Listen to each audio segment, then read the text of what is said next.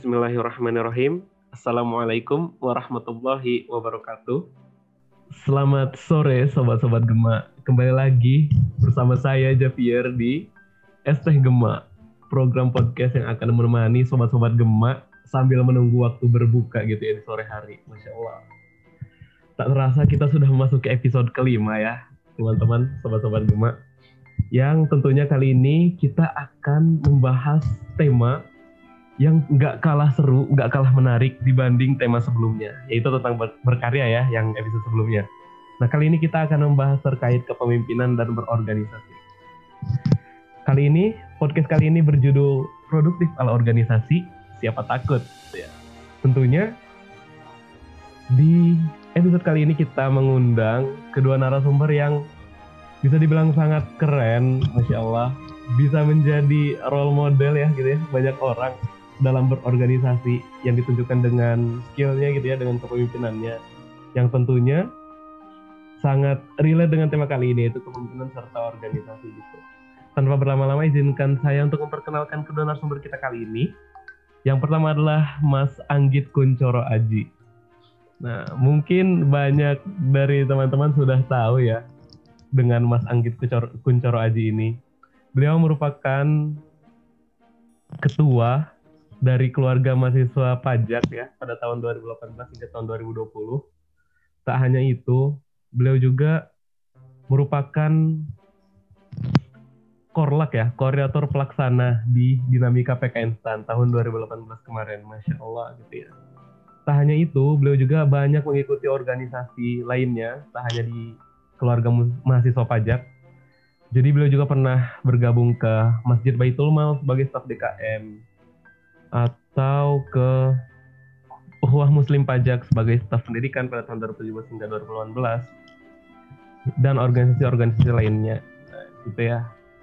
Selanjutnya kita ke narasumber yang kedua ya. Narasumber yang kedua ini bernama Mas Aan Trivahtiar. Nah, beliau juga mungkin sudah banyak yang mengenal ya. Sahabat-sahabat juga mungkin banyak yang sudah mengenal dengan beliau. Beliau ini menjabat sebagai ketua dari Himamanki ya pada tahun 2020 gitu ya. Tak hanya itu beliau juga pernah aktif di kepanitiaan dinamika PKN STAN sebagai P2 ya, penugasan dan penilaian. Tak hanya itu, selain itu, Mas An ini juga menjabat sebagai presiden di Dewang, Dewangga PKN STAN pada tahun 2020.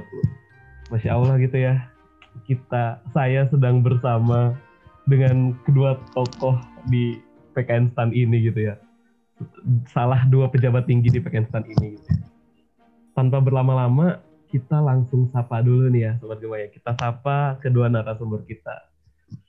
Mari kita ke Mas Anggit dulu. Mas Anggit, cek-cek apakah suara saya terdengar? Terdengar. Halo Sobat Gemaya. Halo, halo Mas. Assalamualaikum warahmatullahi wabarakatuh. Waalaikumsalam. Ya, gimana kabarnya nih Mas Anggit? Kesibukan apa aja nih belakangan ini yang Mas Anggit jalani? Ya, selamat pagi, siang, sore, atau malam teman-teman. Selamat pagi, siang, sore, atau malam Sobat Kema semua. Kalau untuk saya sih kesibukannya ya lagi karena lagi habis penempatan jadi di awal-awal lagi OJT sama ada beberapa diklat atau e-learning yang diikuti sih gitu mas Masya Allah, gimana nih puasanya Mas Anggit Ramadannya? Ya, Alhamdulillah selama ini cukup baik lah. gimana ya kalau ditanya gitu ya? Cukup baik. Kan di hari apa ya? Menjalankan puasa di tanah rantau ya alhamdulillah bisa merasakan hal yang berbeda. Gitu Jaf. Masya Allah. Pengalaman baru ya Mas Anggit ya. Betul banget. Semangat Mas menjalankan segala urusan ya. Semoga senantiasa dimudahkan. Amin amin. ya. Selanjutnya kita ke Mas Aan nih. Mas Aan gimana kabarnya Mas? Kesibukannya apa aja nih yang sedang Mas jalani belakangan ini? Oke. Okay. Halo, uh, assalamualaikum warahmatullahi wabarakatuh. sobat Gema semuanya. Uh, Alhamdulillah sehat uh, kabar saya. Terus kesibukan uh, saat ini seperti kayak uh, teman-teman yang lain juga sih uh, di tingkat tiga ini sibuk di KTTA terus uh, kuliah uh, karena udah memasuki masa-masa perkuliahan ya terus juga ada beberapa kegiatan juga di uh, tempat tinggal sih di rumah lebih tepatnya. Ya gitu. Kegiatan apa tuh mas? An di rumah? Ya uh, di kepemudaan terus lagi uh, merintis tentang seni juga. Ya banyak kegiatan lah di rumah.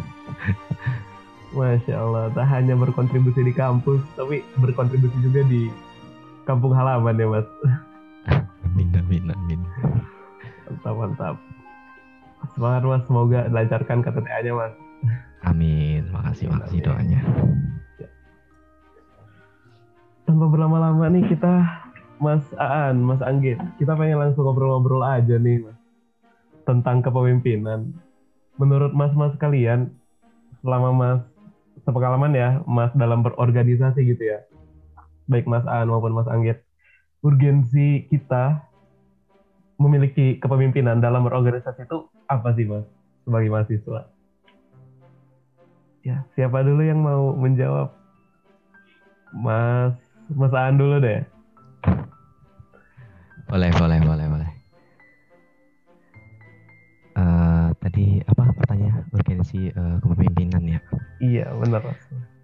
Uh, kalau dari saya sih uh, sebuah pemimpin atau kepemimpinan itu sangat-sangat penting ya uh, bagi diri sendiri maupun kelompok yang ada di sekitar kita.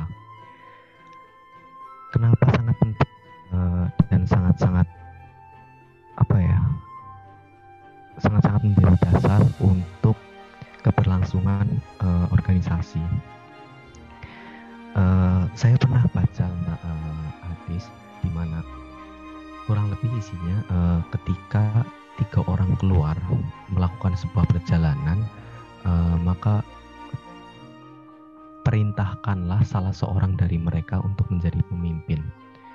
Itu uh, dilihat dari konteksnya saja sudah uh, sangat penting ya uh, sebuah seorang pemimpin dan seseorang uh, memiliki jiwa kepemimpinan Terus uh, ketika kita lihat juga uh, banyak orang yang berpendapat uh, ketika sekelompok uh, kawanan domba dipimpin uh, seekor singa, maka kawanan itu akan menjadi singa. Pun sebaliknya, ketika sekelompok singa dipimpin oleh uh, seekor domba, maka kawanan itu akan menjadi domba. Itu bisa menyimpulkan dari situ saja itu sebuah kepemimpinan yang berasal dari diri kita sendiri. Dan kepemimpinan dalam organisasi maupun kelompok itu sangat-sangat penting. Karena pemimpin tugas pemimpin itu menjadikan kelompok itu kelompok itu mempunyai tujuan. Dan tujuan itu yang harus dicapai uh, kelompok tersebut. Dan itu menjadi tugasnya seorang pemimpin. Makanya uh, pemimpin itu sangat-sangat penting bagi kehidupan diri sendiri maupun kelompok dan uh, menjadi pemimpin itu haruslah berawal dari diri sendiri. Ketika kita bisa memimpin diri sendiri, maka kita bisa uh, insya Allah memimpin kelompok ataupun organisasi ataupun organisasi kelompok yang lebih besar lagi. Seperti itu kalau dari saya. Masya Allah. Dari Mas Anggit gimana nih, Mas Anggit? Keren-keren Aan nih. Kalau dari aku ya, Sobat Gema, terkait pentingnya kepemimpinan dalam sebuah organisasi mahasiswa. Ya. Kalau di kalau menurut saya kepemimpinan di organisasi mahasiswa itu gimana ya? Kita lihat dulu memimpin deh dalam kalau sepengalamanku selama berkuliah dan menjalani beberapa organisasi ada dua jenis pemimpin yang mungkin bisa kita pilahkan. Nah, kepemimpinan di organisasi menurut saya secara garis besar ada dua ya. Yang pertama pemimpin yang karismatik dan yang kedua pemimpin yang sistemik. Nah ini yang pemimpin karismatik ini tuh pemimpin yang menjadi nyawa bagi organisasinya. Dia itu benar-benar uh, pemimpin yang emang punya kapabilitas dan punya karisma serta punya dapat respect lah dari para anggotanya yang sangat tinggi. Nah itu pemimpin yang pertama. Dan kedua adalah pemimpin sistemik. Pemimpin sistemik ini itu pemimpin yang memimpin organisasinya itu dari awal tuh dia sudah menciptakan sistem dan terplan yang baik. Nah, kalau pemimpin yang sistemik ini biasanya dia nggak sering muncul, dia sering membagi kewenangannya dan memberikan banyak diskresi ke mungkin ke kepala bidangnya, ke menterinya. Nah, kemudian kalau yang pertama tadi itu pemimpin yang cenderung lebih menonjolkan dirinya sebagai pemimpin dan dia memberikan ketenangan pada anggotanya bahwa apa pun yang terjadi di organisasi ini adalah tanggung jawabku sebagai pemimpin dan yang kedua itu pemimpin yang uh, dia ini itu menciptakan sistem yang membagi tanggung jawab dan membagi kewenangan ke seluruh anggotanya secara rata. Nah, pentingnya kepemimpinan bagi organisasi mahasiswa secara fundamental menurutku si pemimpin ini itu mempunyai peran dalam hal membagi tadi. Kalau di lingkup mahasiswa ya. Karena kan kalau organisasi mahasiswa ini kan tempat kita belajar bersama. Nah, tempat kita belajar bersama dan bisa juga tempat kita untuk melaksanakan tridharma perguruan tinggi Nah, makanya pemimpin di organisasi organisasi mahasiswa sendiri itu fungsi pokoknya adalah yang gimana membagi dan gimana memutus memutus. Sebenarnya keputusan di organisasi mahasiswa kan cenderung keputusan bersama ya kalau di organisasi mahasiswa kita. Nah sebenarnya menentukan gimana dia membagi proporsi kewenangan gimana dia membagi tanggung jawab ke para anggotanya. Dan kemudian dari si pemimpin inilah dia bisa mengakomodir tujuan-tujuan yang ingin dicapai para anggotanya. Karena kan alasan seribu sungai mau memberikan airnya kepada satu sungai tidak lain karena si sungai tersebut hanya berada di bawah sungai yang lain tersebut. Nah, di sinilah fungsi dari pemimpin ini. Si pemimpin ini itu menjadi wadah dari tujuan para anggotanya dan dialah yang mengarahkan, dialah yang membagi gimana sungai, gimana air-air yang mereka sumbangkan ini dibagikan ke orang-orang atau ya ke tujuan-tujuan yang ingin dicapai. Gitu sih. Nangkep gak? Gimana sobat ke mana nangkep gak? Masya Allah, sangat sangat dalam sekali gitu ya penjelasan dari Mas Anggit ini. Ya, begitulah ya pemimpin ya benar-benar menjadi nyawa dalam sebuah organisasi gitu terutama bisa kita harus nih bahkan harus nih sobat-sobat gema tanamkan gitu ya jiwa-jiwa kepemimpinan kepemimpinan semenjak menjadi mahasiswa gitu ya sebelum kita terjun ke dunia birokrasi gitu ya hmm, baiklah selanjutnya nih Mas Anggit Mas Aan Mas Anggit dan Mas Aan kan ya udah sering lah ya memimpin organisasinya masing-masing atau memimpin kepanitiaan masing-masing gitu kan ya. Nah, gimana sih cara menumbuhkan sikap pemimpin gitu ya, sikap kepemimpinan dalam diri gitu ya? Gimana menurut Mas Aan dan Mas Anggit? Siapa dulu nih yang mau jawab? Uh, mungkin Mas Anggit dulu. Gantian Mas, Mas Anggit dulu. Senior dulu lah. Insya Allah. Baik Sobat Kema, gimana menumbuhkan jiwa kepemimpinan ya. Kalau dari aku sendiri, itu kan aku pernah belajar bahwa ada dua orang, ah, bukan dua orang sih, ada dua macam orang yang menganggap mimpinya, mengasumsikan mimpi-mimpinya. Yang pertama, dia menjadikan mimpinya sebagai tujuan yang abadi. Dan yang kedua, dia menjadikan mimpinya adalah tujuan yang ingin dia dobrak sehingga dia menemukan mimpi-mimpi selanjutnya. Gimana Sobat Gema? Nangkep gak? Nah, kalau Sobat Gema nangkep, jadi pemi si yang pertama ini itu orang yang menjadikan mimpinya sebagai tujuan abadi. Itu benar. Itu adalah orang yang mungkin cenderung safe atau aman. Dia menjadikan mimpinya sebagai tujuan abadi. Katakanlah mimpi yang paling apa ya paling sederhana gitu mencontohkannya lah dulu kan ada kisah di suat. Kalau dulu kan pas masih zaman era abad pertengahan lah. Itu kan banyak pas transportasi belum sebaik ini itu kalau kita lihat kisah-kisah itu kan banyak dari orang-orang muslim dari kaum muslimin itu yang menjadikan Mekah itu sebagai tujuan atau mimpi abadinya. Dia akan selalu berusaha, dia akan mengumpulkan pundi-pundi, dia akan membangun keluarga yang baik, dia akan belajar bagaimana cara berhaji, tapi dia tahu dia tidak akan pernah berhaji karena dia hanya menjadikan haji ini sebagai nyawanya dalam menjalani kehidupan sehari-hari. Jadi kalau dia lelah, dia capek gitu, dia ingat bahwa dia harus bekerja keras untuk mewujudkan mimpinya menunaikan ibadah haji. Nah itu kalau kita baca di kisah-kisah katakanlah masyarakat dulu di zaman sebelum transportasi sebaik sekarang itu banyak yang menjadikan kota Mekah menjadikan ibadah haji sebagai tujuan abadinya. Nah yang kedua itu adalah orang-orang yang menjadikan mimpi-mimpinya ini sebagai pendobrak, didobrak, dia selalu mendobrak mimpi-mimpinya ini. Nah kalau tadi yang pertama dia menjadikan ibadah haji itu sesuatu yang dia tahu dia nggak akan melakukannya. Nah yang kedua itu adalah orang yang dia berusaha setiap hari, dia menghitung, dia benar-benar emang niat bahwa kalau sampai cukup segini itu saya akan langsung berangkat.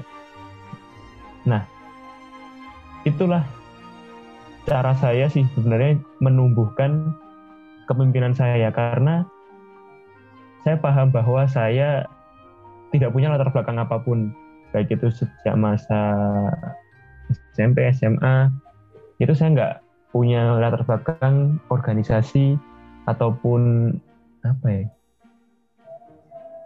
uh,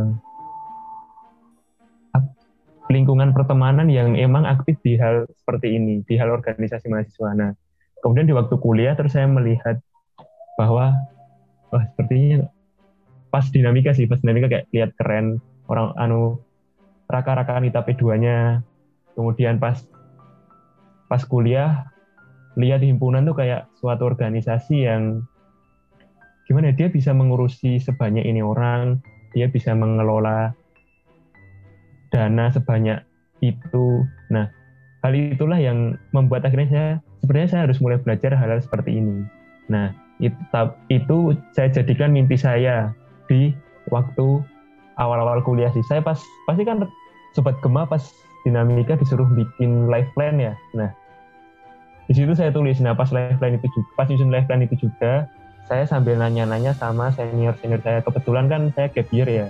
Kemudian jadi saya punya teman teman SMA yang memang sudah tingkat dua.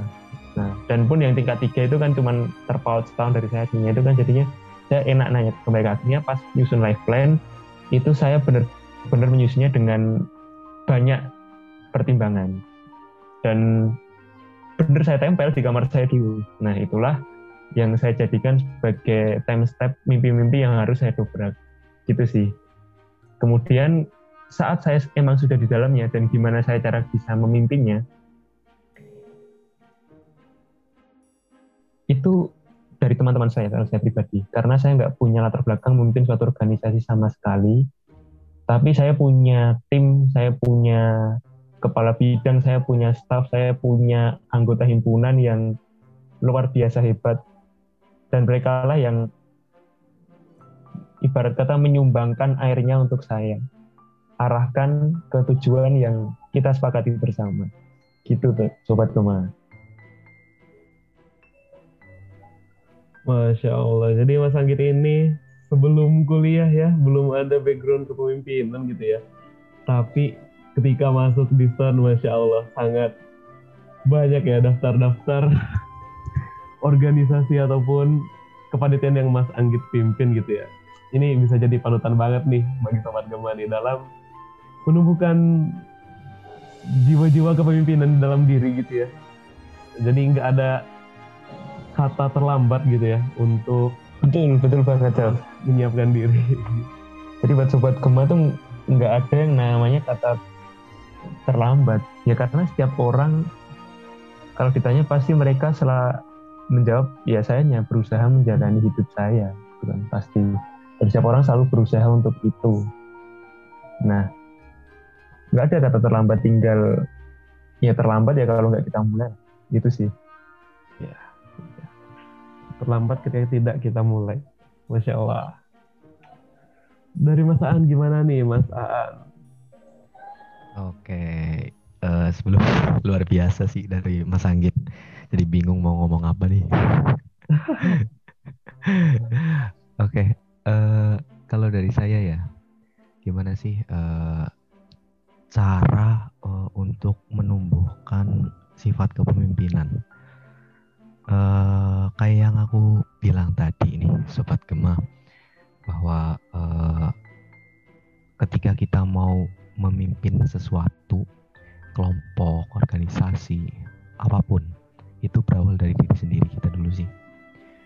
Eh, kita harus paham, eh, kita harus tahu diri sendiri itu yang paling paham ya diri kita. Yang paling paham diri sendiri itu diri kita. Makanya ketika eh, kita nih eh, mau jadi pemimpin, mau memimpin sesuatu harus berawal dari diri sendiri.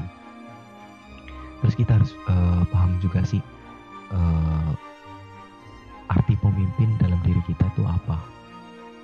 Kalau menurut saya ya eh, pemimpin pemimpin yang baik itu harus eh, selalu belajar, jangan pernah berhenti belajar. Belajar belajar dari apa pun, pengalaman orang lain, belajar dari orang lain, pengalaman diri kita, belajar dari perkuliahan bisa jadi apa pun. Karena balik lagi tadi, pemimpin yang baik itu yang tidak pernah berhenti belajar. Dia berprogres terus-menerus ke arah yang lebih baik tentunya. Nah, eh, dari eh, cerita Mas Anggit tadi, aku pun bisa eh, apa ya? Bisa menangkap bahwa Mas Anggit pun belajar loh eh, dari teman-temannya, dari orang lain. Nah, itu menurut saya pemimpin yang bagus diartikan seperti itu. Kalau menurut saya, kan balik lagi, balik lagi eh, ke teman-teman semuanya. Apa sih arti pemimpin eh, dari teman-teman semuanya gitu loh? Eh, Mas Anggit eh, bilang bahwa dia tidak punya background eh, kepemimpinan atau organisasi sebelumnya. Dan di kuliah ini ya Allah. Siapa sih yang nggak kenal Mas Anggit gitu loh? Ya itu progresnya. Itulah eh, tahap belajarnya gitu loh. Dan saya yakin Mas Anggit pasti eh, ke depannya pun bakal belajar eh, dari pengalamannya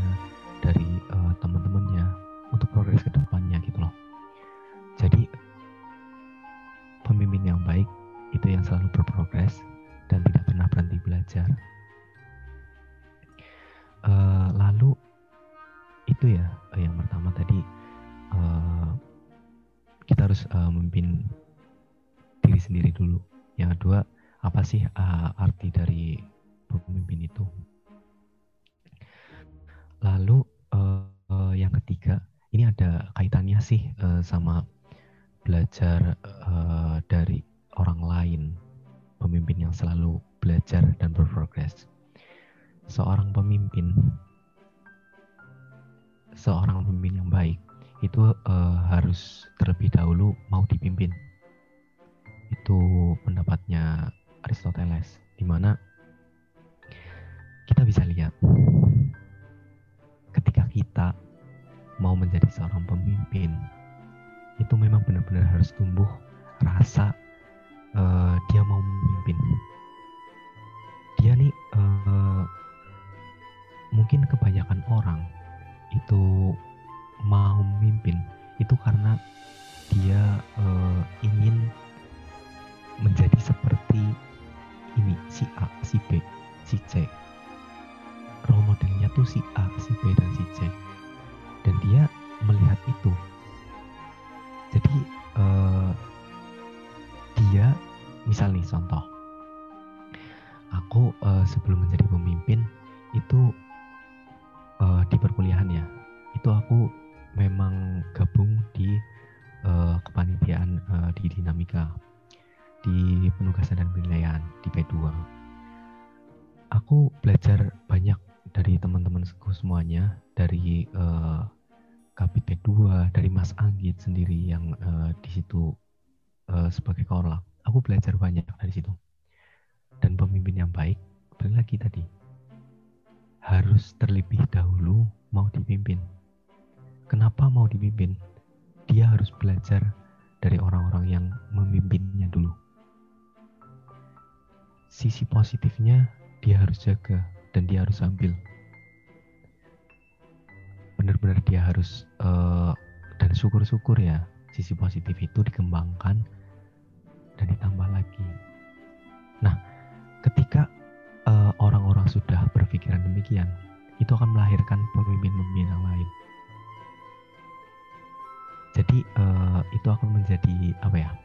Siklus bisa jadi sebuah siklus. Di mana misal sih aku uh, mencontoh Mas Anggit sebagai role modelnya aku nanti saat uh, memimpin. Aku belajar banyak dari Mas Anggit. Nah, aku sebagai seorang pemimpin harus bisa uh, mengajak teman-teman yang lain untuk menjadi pemimpin, untuk menumbuhkan rasa kepemimpinan, mencontohkan sesuatu yang baik agar orang-orang bisa uh, bisa apa ya menjadikan aku uh, mendapatkan ilmu bukan mendapatkan ilmu ya mendapatkan hal baik uh, dari aku.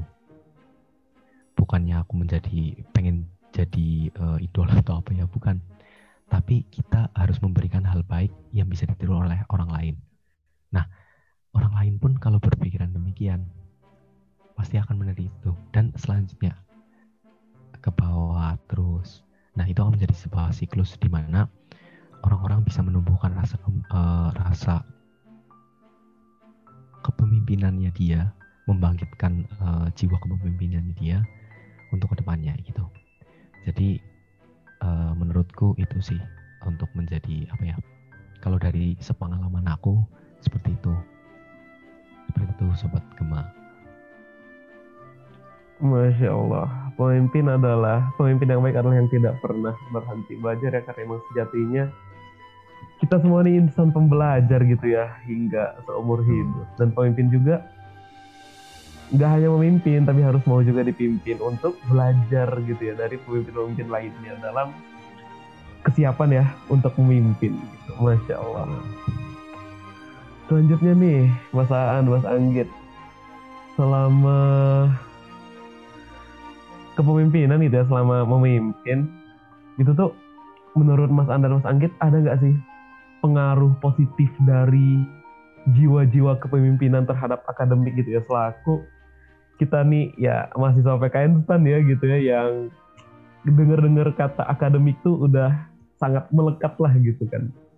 Gak jauh banget gitu bahkan sangat dekat. Nah menurut Mas Andar Mas Anggit nih ada nggak pengaruh positif dari jiwa kepemimpinan terhadap akademik selama berkuliah gitu siapa dulu nih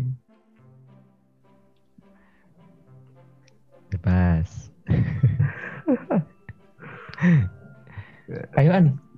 Ya. Oh, boleh, boleh, boleh. Masaan dulu ya. Uh, kalau dari aku ya, tentunya ada dong, banyak pasti. Ketika uh, kita uh, ada jiwa pemimpin, kepemimpinan, dan kita memimpin kelompok, organisasi atau apa pun, pasti ada dampak positif yang kita ambil. Kita uh, belajar dalam organisasi itu otomatis uh, menumbuhkan rasa kepemimpinan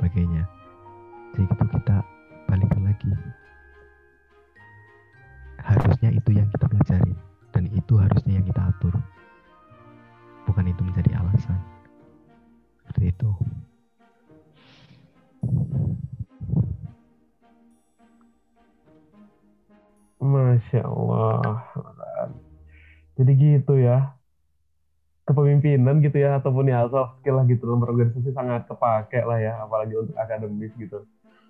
Da, baik dalam ah, apa namanya berkomunikasi gitu ya, manajemen waktu gitu ya. Jadi ya banyaklah ke manfaat yang didapat dari berorganisasi, dari memiliki jiwa kepemimpinan dalam akademis, insya Allah. Dari Mas Anggit gimana Mas? Silakan Mas. Halo Sobat Kema. Keren ya Ani. Kemudian untuk gimana? Ah, tadi ya pertanyaannya dampak dari saat memimpin ke akademis ya. Kalau dari aku pribadi tentu ada dampaknya. Tadi yang diomongin Javier terkait manajemen waktu ya. Ya saat aku berorganisasi, inilah aku belajar manajemen waktu. Karena yang namanya memanajemen sesuatu itu kan kita memanajemen sesuatu yang terbatas ya. Nah kalau aku dulu pas uh, belum ikut organisasi kayak waktunya tuh banyak kan. kita kuliah paling cuma sehari berapa jam terus setelahnya ya udah. Nah, mulai ikut organisasi, mulai ikut kegiatan sana sini, akhirnya kan waktu yang kita punya kan jadi terbatas. Nah, di situlah aku belajar memanajemen waktu. Karena waktu yang aku punya mulai terbatas. Nah, itu. Kemudian, kalau ditanya terkait trade-off ya, kan suka ada trade-off kalau akademis sama organisasi sama jualan sih. Nah, itu kan dulu ada tiga istilah kura-kura, kupu-kupu, sama kuda-kuda. Nah, kura-kura kan kuliah rapat, kupu-kupu kuliah pulang, kuda-kuda kuliah dagang. Nah, kalau di organisasi kan jatuhnya ke kura-kura rapat-rapat. Gitu. Sebenarnya kalau dibilang ada trade-off-nya, ada tentu. Karena jadi yang awalnya kita fleksibel waktu belajarnya, sekarang waktu belajar kita harus kita sesuaikan dengan kegiatan lain. Namun di situlah poinnya teman-teman. Karena saat aku menjalani organisasi, itu aku merasa senang. Aku nemuin diriku di sana gitu. Aku senang. Nah karena aku senang akhirnya dalam menjalani hari-hari kan jadi lebih semangat kan. Kalau kita puas, kitanya senang, seberapapun sibuk kita, kita tentu akan menyempatkan waktu. Kita akan bisa membagi waktu di pagi harinya. Kayak, kayak setelah bangun tidur atau sebelum malam, malam sebelum tidur, biasanya aku suka mikir besok aku ngapain ya. Kan dulu juga ada sekretaris, dulu juga ada temen kelas yang suka ngingetin. Nah, pas belum tidur biasanya nginget-nginget dulu besok mau ngapain.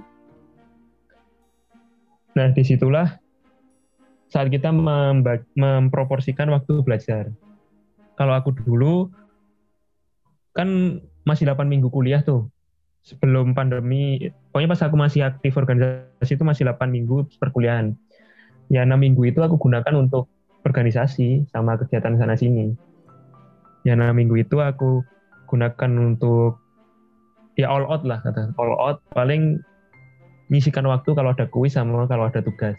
Sama kalau ada belajar kelompok. Ikut kelompoknya doang nggak belajarnya. Nah setelahnya di dua minggu terakhir di situlah aku saatku untuk belajar.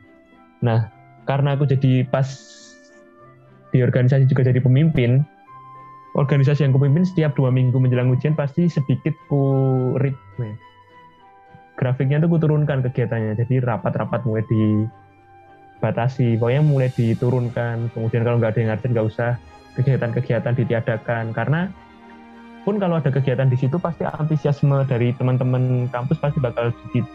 Makanya di dua minggu terakhir kegiatannya ditiadakan aja. Pokoknya timeline organisasi itu jalan dari minggu pertama sampai minggu ke-6. Nah, setelahnya itu kegiatan tentir biasa. Kegiatan tentir, kegiatan penyusunan modul. Pokoknya berkaitan dengan akademik. Tapi selain itu nggak usah.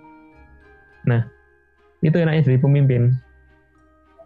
bisa ngatur, bisa memberikan arah ke gimana ya, ke organisasinya agar ya selain kita yang dapat waktu buat belajar, ya teman-teman semua dapat waktu buat belajar. Gitu. Dan apa ya? Dan sobat Gema bakal merasa kalau sobat Gema merasa puas akan menjalani hari-harinya tentu pasti kan seneng kan menjalani kayak nanti aku malam harus belajar itu nggak apa-apa karena ya di siang hari atau hal yang kita lakukan itu sesuatu yang memang kita inginkan gitu. Yang makanya yang pertama yang harus dibenahi dalam menyeimbangkan kepemimpinan dan organisasi ya hati kita sendiri bahwa hati kita tuh senang menjalani keduanya. Gitu. Monggo Mas Syafir. Masya Allah gitu ya jadi emang bener sih. Uh, saya sendiri juga ngerasa kalau gimana ya ketika berorganisasi atau bersosialisasi lah dengan orang-orang gitu ya itu tuh kayak ada energi yang masuk gitu sehingga bisa lebih semangat dalam menjalani hari gitu ya Masya Allah tak hanya itu memiliki skill kepemimpinan juga?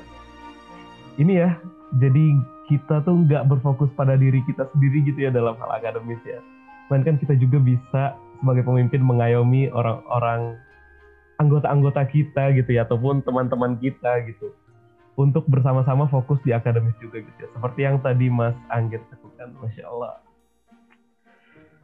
Terakhir nih Mas ini nggak kerasa ya udah hampir satu jam kita ngobrol-ngobrol ya gitu ya terakhir nih Mas mungkin dari Mas Aan dan Mas Anggit ada pesan-pesan nih untuk sobat Gema biar makin semangat gitu ya dalam berorganisasi, dalam mengasah dirinya sendiri gitu ya, khususnya mengasah jiwa kepemimpinan gitu ya. Gimana? Dari siapa dulu nih? Ya deh Mas Anggit deh, ayo. Iya gantian ya. Sekarang Mas Anggit dulu. Silahkan Mas Anggit. Baik Sobat Gema untuk closing statement dari saya mungkin ya. Sobat Gema semua kan kita ngomongnya konteksnya saat kita semua sedang menjadi mahasiswa ya kalau yang ini yang kutanamkan dalam diriku sendiri sih selama aku menjadi mahasiswa dulu ya itu bahwa selama aku menjadi mahasiswa aku dapat fasilitas bahwa aku berhak atas kesalahan jadi setiap apa pun yang aku lakukan entah itu di organisasi entah itu di akademis entah itu di kehidupan sehari-hari aku berhak atas kesalahan. Jadi kalau dalam organisasi nih katakanlah aku melakukan suatu kesalahan bahkan sefatal apa pun itu masyarakat teman-teman kita para dosen kita bakal bilang bahwa dalam hati mereka biarpun mereka mungkin marah atau atau mereka merasa sedikit kecewa tapi dalam hati kecil mereka mereka akan bilang bahwa ya dia masih mahasiswa dia emang saatnya belajar sekarang. Itulah fasilitas yang kuanggap kumiliki dan itu yang kutanamkan ke seluruh mungkin dulu stafku, mungkin dulu anggota ke, anggota organisasiku ku tanamkan bahwa ya kita di sini itu berhak atas kesalahan teman-teman. Silahkan kita bebas berkreasi semau kita, kita bebas belajar semau kita dan di sinilah tempat kita mencoba apa pun hasilnya, selama kita berusaha semaksimal mungkin, tentu kita akan puas. Pun hasilnya nggak sesuai yang kita harapkan, tapi saat kita udah berusaha semaksimal mungkin, kita akan puas. Kita nggak usah mikirin hasil. Karena di organisasi mahasiswa, saat kita menjadi mahasiswa ini, kita belajar tentang proses.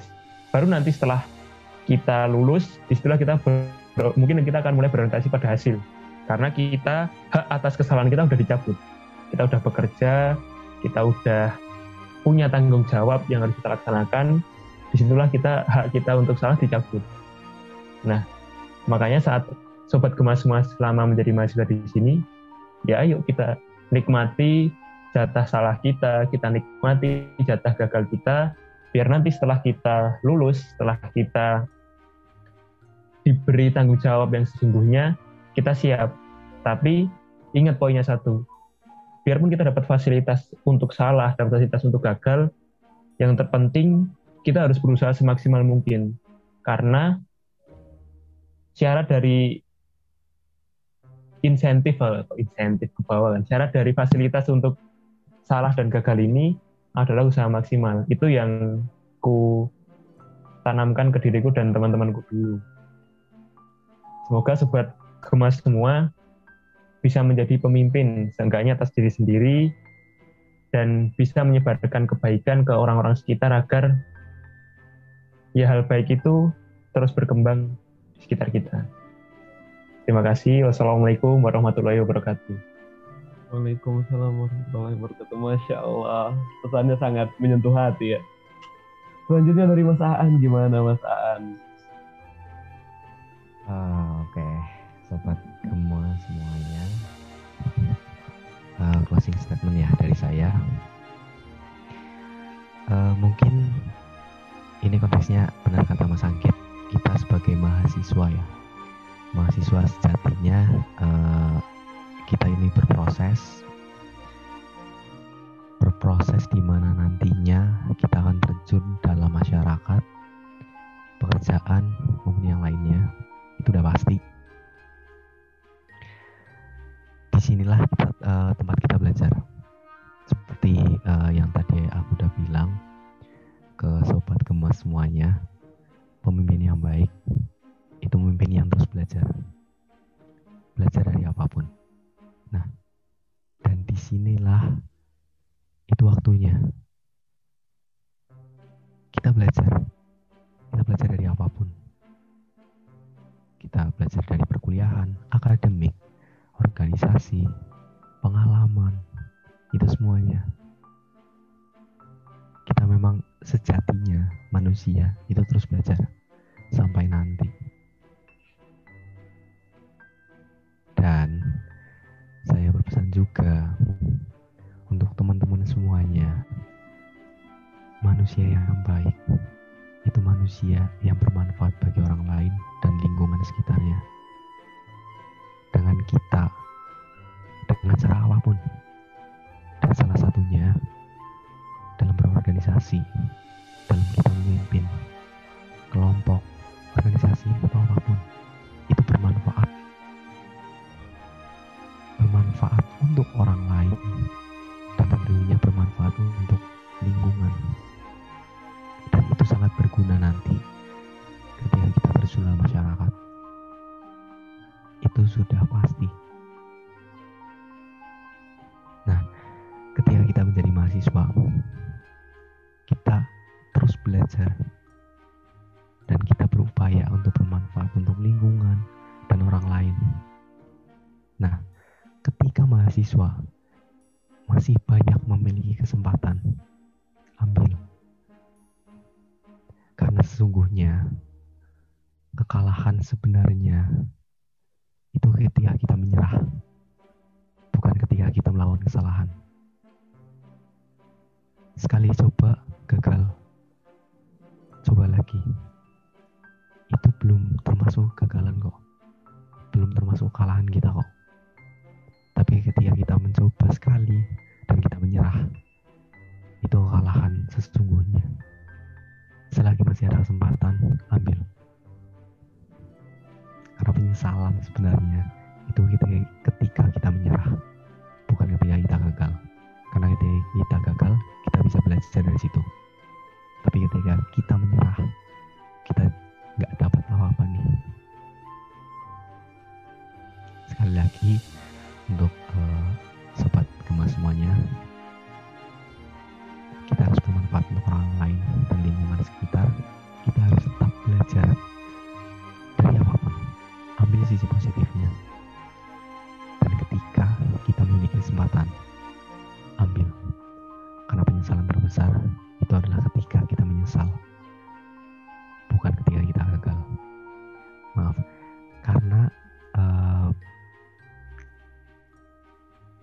sesungguhnya atau kekalahan sesungguhnya itu ketika kita menyerah bukan ketika kita gagal itu aja makasih Masya Allah gitu ya. ini udah dapat petuah nih dari kedua kedua petinggi gitu ya yang sangat berpengalaman dalam memimpin gitu ya di organisasi PKN STAN di organisasi kampus gitu ya. Jadi kepada sobat Gema, kepada semuanya, jangan takut untuk berbuat kesalahan. Mumpung masih mahasiswa nih ya, mumpung kita masih bisa banyak belajar gitu ya. Dan juga ya sekali lagi ya tadi ya yang disampaikan sama Mas Aan ya. Kegagalan yang sebenarnya itu bukan ketika kita salah, melainkan ketika kita menyerah gitu ya jadi tetap semangat untuk terus belajar dan untuk terus berani gitu ya, berani untuk berkembang gitu ya, mengembangkan diri gitu ya. Berani untuk bersosialisasi, mengembangkan diri gitu ya. Belajar gitu ya, banyak belajar Masya Allah. Baiklah, tak terasa kita udah sejam ya, kita udah ngobrol-ngobrol sejam gitu ya, perihal kepemimpinan Masya Allah. Ini jadi tanpa berlama-lama ya biar mungkin ada sobat-sobat gema yang emang ngedengerin dia jam 5 gitu ya berarti kan udah mau buka puasa nih gitu ya. Tanpa berlama-lama mari kita akhiri aja. Terima kasih kepada sobat-sobat gema yang telah mendengarkan obrolan-obrolan kami gitu ya terkait organisasi serta kepemimpinan. Semoga bagi para pendengar ya bisa mengambil manfaatnya nih gitu ya. Semoga obrolan-obrolan kita tadi itu bisa menjadi booster bagi sobat-sobat Gema untuk terus mengembangkan dirinya untuk terus belajar tentunya khususnya untuk terus mengasah jiwa kepemimpinan gitu ya. Karena emang kita nih semua emang terakhir sebagai pemimpin tidak hanya untuk orang lain melainkan semuanya itu berasal berawal dari diri sendiri gitu ya memimpin atas diri kita sendiri terlebih dahulu gitu. Jadi intinya kita memang sebuah ini ya, seorang pemimpin maksudnya gitu dan sudah sepatutnya kita terus mengasah skill kepemimpinan kita gitu ya. Terutama bagi kita mahasiswa PKN ya, sobat-sobat Gema yang emang sebentar lagi akan memasuki dunia birokrasi gitu ya nanti ya. Itu bakal kepake banget tuh ya soft skill soft skill terkait kepemimpinan gitu di sana. Masya Allah. Baiklah, tanpa berlama-lama mari kita akhiri. Terima kasih kepada sobat Gema yang telah mantengin nih episode 5 kali ini dari ST Gema Jangan lupa ikuti nantikan program-program Gemar Ramadan PKN STAN lainnya gitu ya. Gimana caranya biar tahu program-programnya? Terus pantengin IG-nya di Ramadan PKN STAN gitu. Tetap semangat, terima kasih. Baiklah, tanpa berlama-lama saya undur diri. Sekian, wassalamualaikum warahmatullahi wabarakatuh. See you in the next episode.